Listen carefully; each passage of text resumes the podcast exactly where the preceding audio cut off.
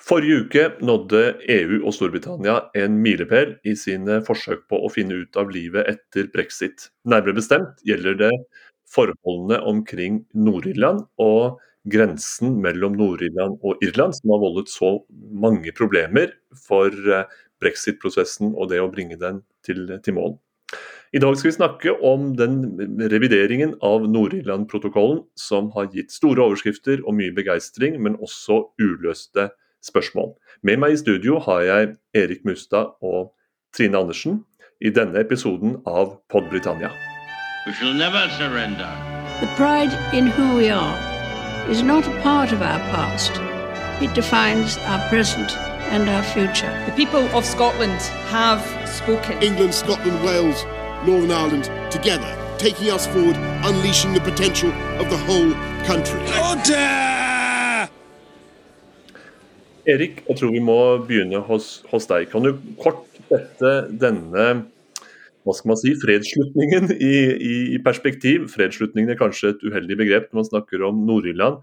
Kan du sette det som skjedde forrige uke i, i perspektiv når det gjelder det, det, det, store bildet og den store uløste knuten som lenge har ligget der? Ja, altså denne Nord-Irland-protokollen ble jo et tillegg til brexit-avtalen som vi husker mellom Storbritannia og EU, fordi man ikke fant ut av hvordan man skulle løse dette grensespørsmålet eh, mellom Irland, republikken, som da er EU-medlem, og Nord-Irland, som enda tilhører Storbritannia.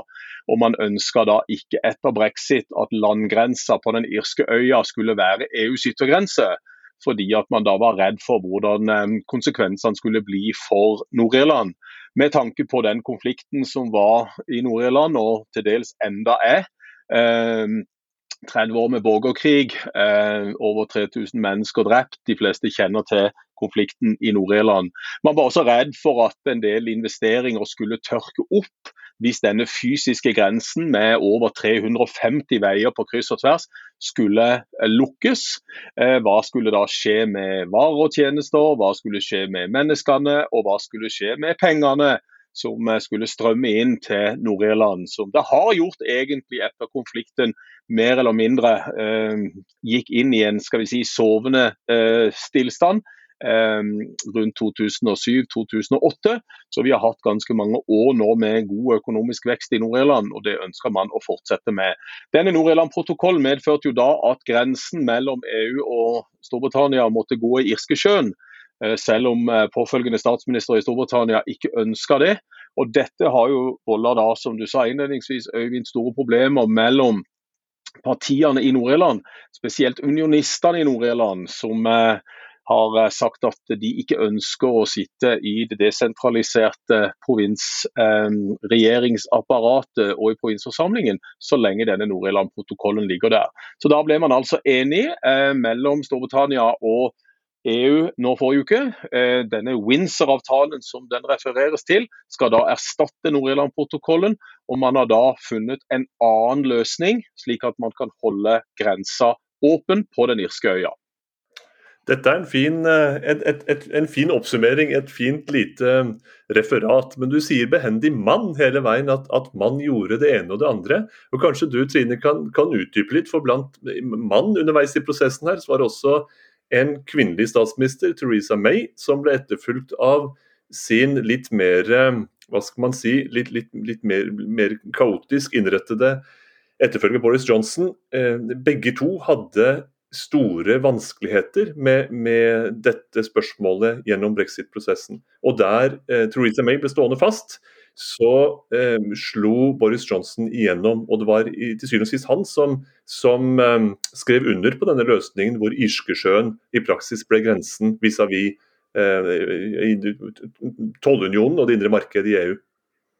Ja, Du kan vel si at Boris Johnson tok en veldig kjapp sving der. Han visste vel egentlig veldig godt hva han skrev under på, selv om han da sa den gangen at det, det blir ikke noen grense i Irskesjøen. Men det, det, ble det jo, og det, det vet jo alle de problemene det har ha, ha medført. Men jeg er litt sånn, du, du, snakket her om unionistene, Erik. Skal vi, skal vi si litt grann hvorfor de er så veldig imot at uh, mot hele den Nord-Irland-protokollen som de hadde, og hvorfor de nå ikke umiddelbart bare begriper med begge hender det som nå har skjedd med Rishi Sunaks gjennombrudd overfor EU, hvor han da sier at det skal være en grønn linje for varer som da ender i Nord-Irland, og, og, ikke da blir utsatt for noe sånn stort, stort byråkrati.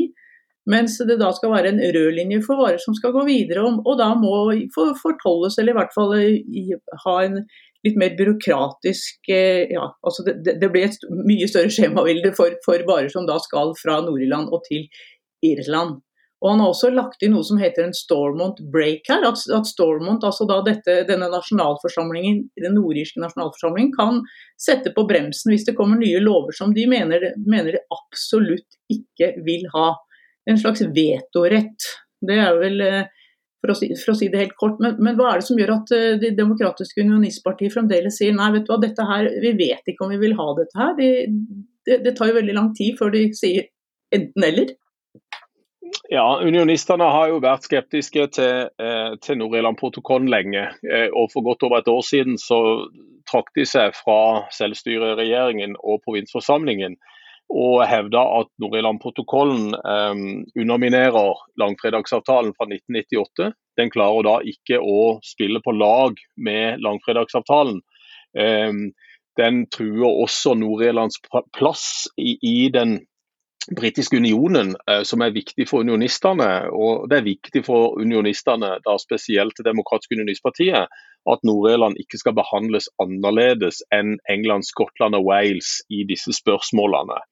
Eh, så de ønsker da ikke å eh, ta setene sine lenger. Det gjorde de heller ikke etter valget, som vi husker i mai 2022.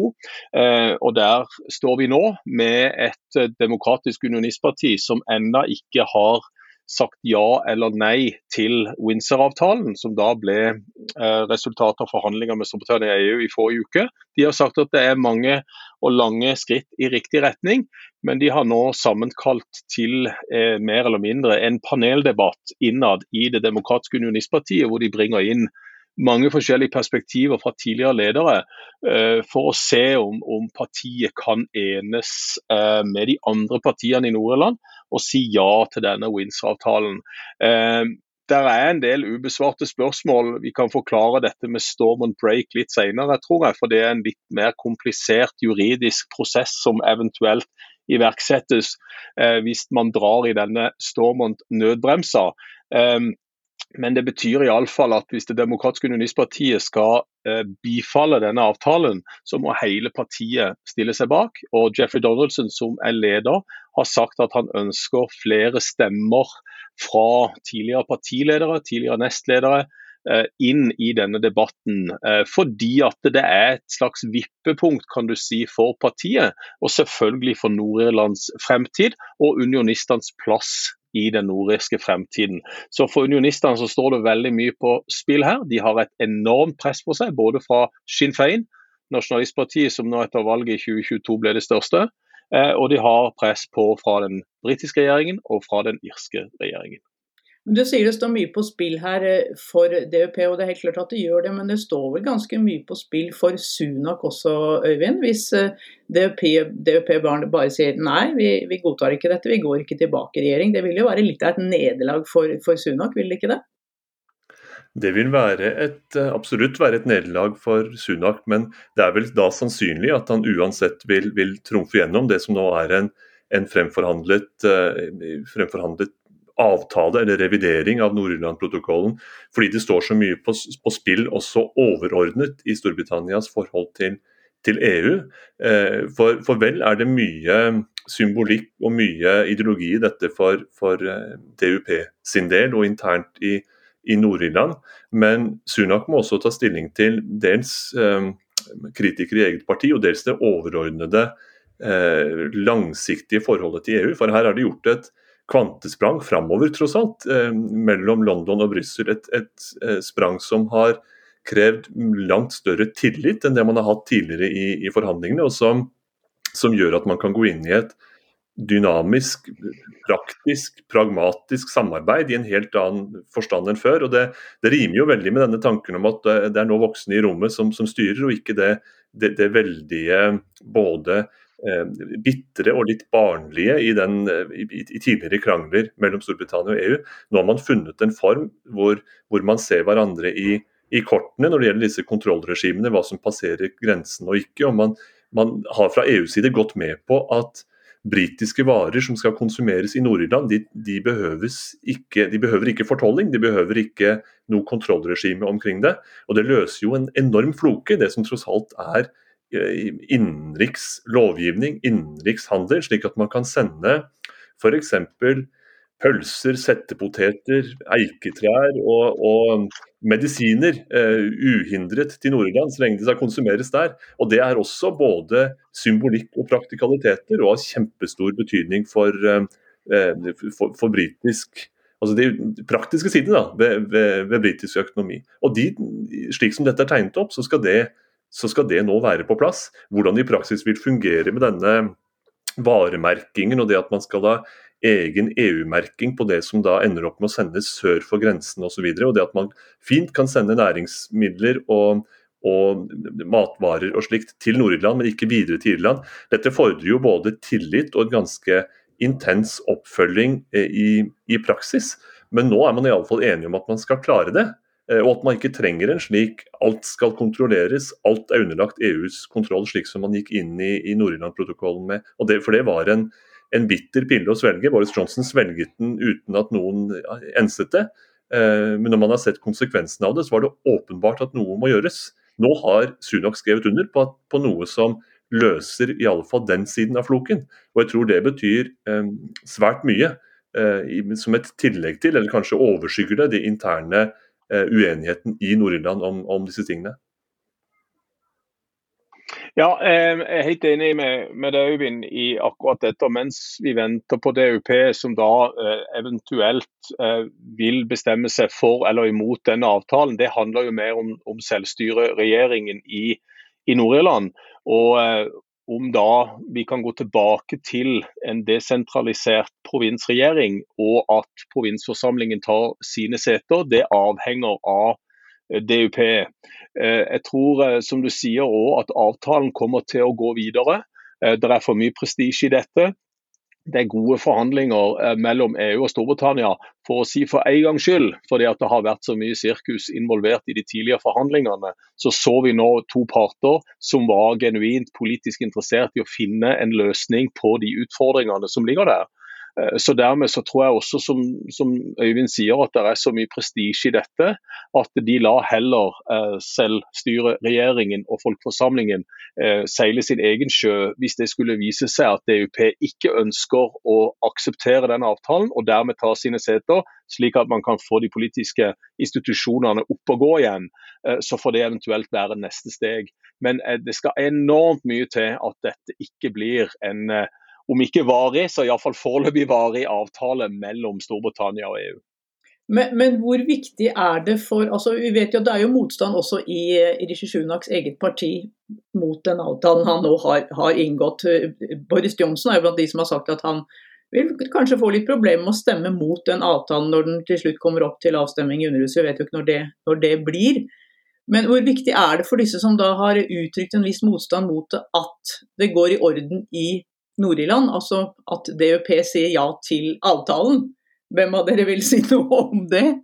Nei, Jeg tror, jeg tror det, det, det, er vanskelig å få samlet et konservativt parti, uansett hva det måtte være eh, om dagen, ser det ut til. De er så splitta på veldig mange av disse tingene. Boris Johnson sitter med en viss prestisje i dette, her, for det var han som fremforhandla hele brexit-avtalen.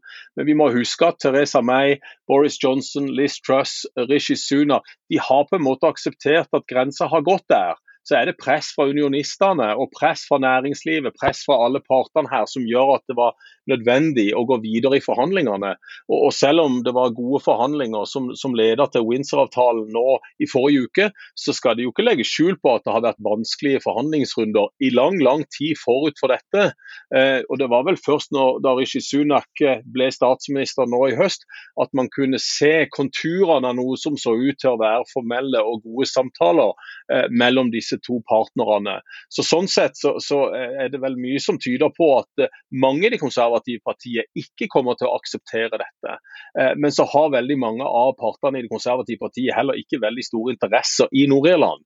Eh, de har interesser andre steder, og det vet vi jo fra, fra tidligere også.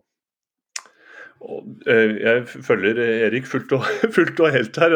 Det er, jo, det er, jo, også sånn tidligere i, i brexit-prosessen så så var det jo gjerne slik at den EU-skeptiske, eh, erklært EU-skeptiske delen av det konservative partiet i den såkalte European Research Group, de har jo ofte skygget DUP, altså der hvor DUP setter foten ned for hva som er akseptabelt i Nord-Irland. Der følger denne fløyen av konservative partiet etter. Eh, hvorvidt de vil gjøre det nå, og hvor mange de vil være som gjør det, om det er snakk om et titalls eller et snes eller flere som gjør det, det, det gjenstår å se. Det er jo ikke noen fare i det britiske underhuset vil denne avtalen uansett gå gjennom med, med Labours hjelp. Men dersom det blir et, et ganske, stort, blir ganske stor dissens i det konservative partiet, så er det klart at det er, det er et skudd for baugen for, eh, for Sunak også. Men jeg tror nok at, eh, at, vinden blåser i den retning nå at, at eh, mange er villige til å, å, svelge unna og si at dette det var ikke helt optimalt, men det er andre ting ved, ved livet etter brexit som nå er viktig å, å jobbe med og vise at vi kan ta ut potensialet i. La oss si at dette er et, et slags kompromiss. da, Så får man, får man, på en måte løfte blikket og se litt på, på andre sider som, som, både regjeringen og Det konservative partiet har, har å jobbe med. Jeg, har, jeg, er heller i den retning at det blir en slags um, bunnlinje i Det konservative partiet også når det kommer til stykket, selv om ikke alle er helt happy med resultatet her. Og Blant kritikerne så skal det også sies at at det mange da eh, slår ned på, er at vel er dette et, et, et interessant eh, og kanskje også smart kompromiss når det gjelder handelssiden av dette her, og hvordan man ivaretar en grense som ikke skal være en grense og sånn.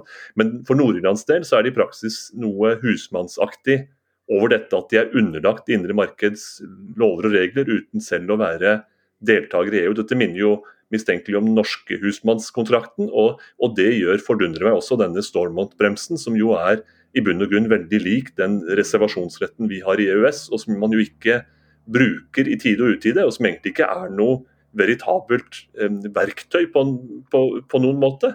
Jeg er spent på hva Erik tenker om det, men, men, hele denne tanken om at man bare man vil, så skal man være herre i eget hus, det, det ser jo ikke veldig realistisk ut at Nord-Irland skal på et vis forme sin egen, eller drive sin egen utforming av EUs indre marked når de er en liten liten skal jeg ikke si liten mygg, men en lit, svært liten aktør uten faktisk medlemskap eh, i EUs institusjoner. Nei, EU har jo sagt at denne stormoppbremsen skal jo bare brukes i helt eksepsjonelle tilfeller. Men dette kan Erik si mye mer om enn en meg. Du sa det er, jo, det er jo ikke sånn veldig enkelt, dette her. Nei, det er ikke det. fordi at, eh, Og det er vel enda viktigere hva Det demokratiske unionistpartiet sier enn hva jeg sier og hva vi sier. Men, men eh, denne bremsen betyr jo at eh, med mer enn 30 forsamlingsmedlemmer i provinsforsamlingen i Nord-Irland fra minst to partier, så kan de dra i denne nødbremsen, da, som vi kaller uh, Stormont-bremsen. Uh, og Eh, det betyr jo for så vidt at uh, Stormont har en viss mulighet til å bremse lover som handler om uh, Nord-Irland i forhold til EU. Men det er jo som Øyvind sier at denne reservasjonsretten må jo brukes da i helt ytterst tilfelle. Når det er noe som virkelig krever at dette gjøres. Eh, det demokratiske unionistpartiet mener enda at eh, i denne Windsor-avtalen så er EUs lov enda gjeldende i Nord-Irland, og det ønsker de ikke. EU eh, e har enda siste ord her, selv om Nord-Irland får en slags veto gjennom Stormont-parlamentet. Hvis to eller flere partier og 30 medlemmer av folkeforsamlingen i Nord-Irland drar i denne bremsen, så har enda EU det siste ordet. Og eh, Sønnen til gamle, gode Jin Paisley, som stifta Det demokratiske unionistpartiet, han har jo sagt at eh, det er vel det Det demokratiske unionistpartiet er minst fornøyd med i denne avtalen. Det er at EUs um, lovorganer enda kan styre i Nord-Irland. og at det vil være et stort hinder eventuelt for å si ja til denne avtalen. Så Det gjenstår jo å se, men det vil gi Stormont større muligheter til å uttrykke skepsis da, hvis EU-lover skal gjelde i Nord-Irland. Så de har muligheten til å bli inkludert i dette. Det hadde de ikke før, så det er jo òg en mulighet som denne nye Windsor-avtalen gir disse partiene. Men DUP er selvfølgelig skeptiske, for de mener at EU ikke er ute av Nord-Irland. Men det kan de selvfølgelig heller ikke akseptere. Um, og kanskje heller regne med. Så, så her, her, blir det på mange måter unionistene som, som må ta det siste ordet her. uh, fordi at det er jo eh, EU som eventuelt skal forhandle i uenigheter mellom EU og Nord-Irland eh, i forhold til denne trafikken over grensa, denne røde passasjen som vi nå har snakka om.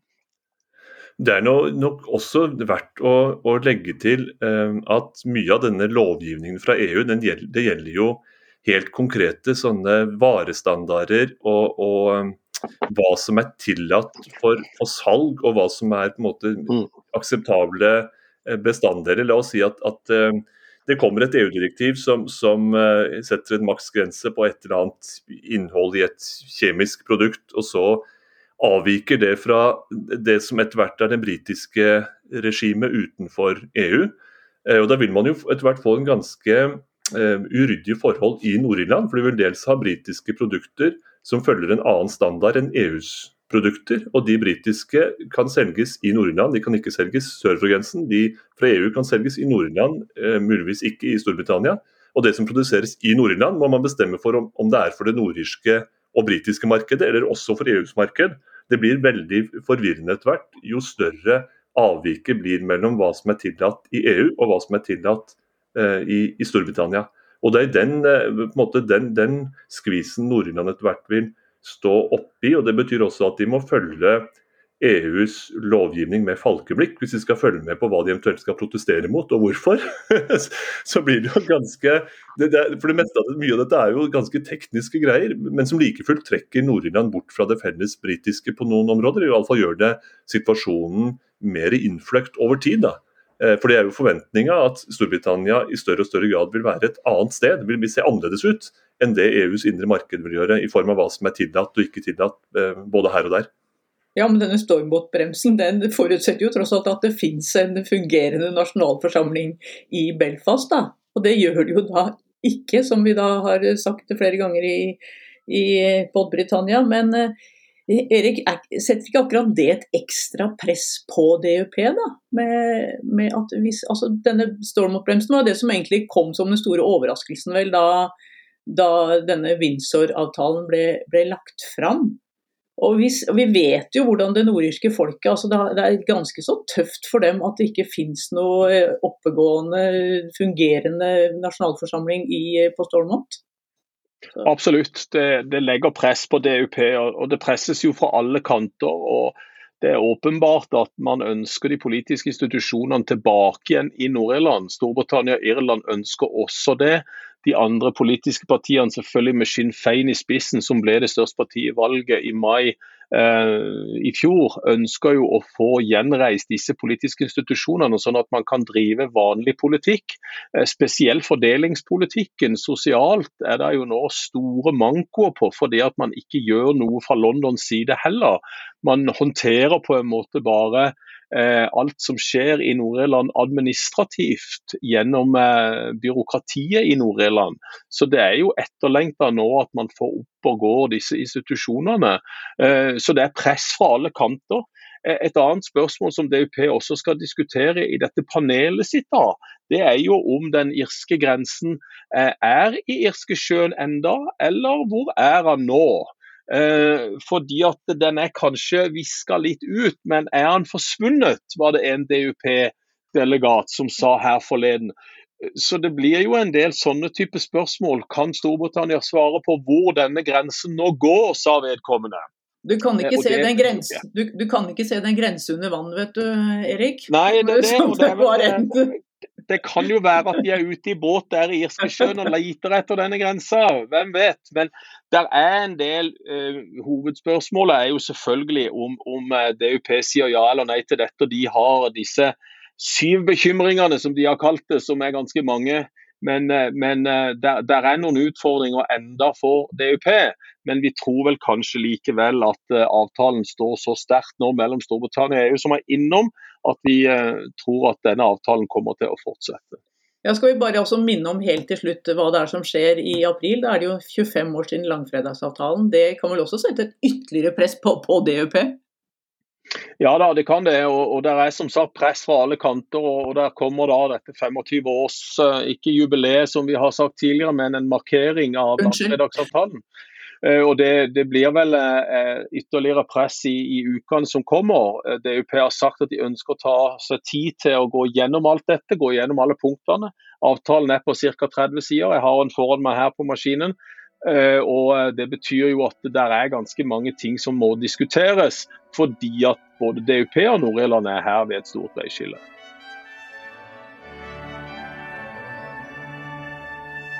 We shall never surrender. The pride in who we are is not a part of our past. It defines our present and our future. The people of Scotland have spoken. England, Scotland, Wales, Northern Ireland, together, taking us forward, unleashing the potential of the whole country. Order!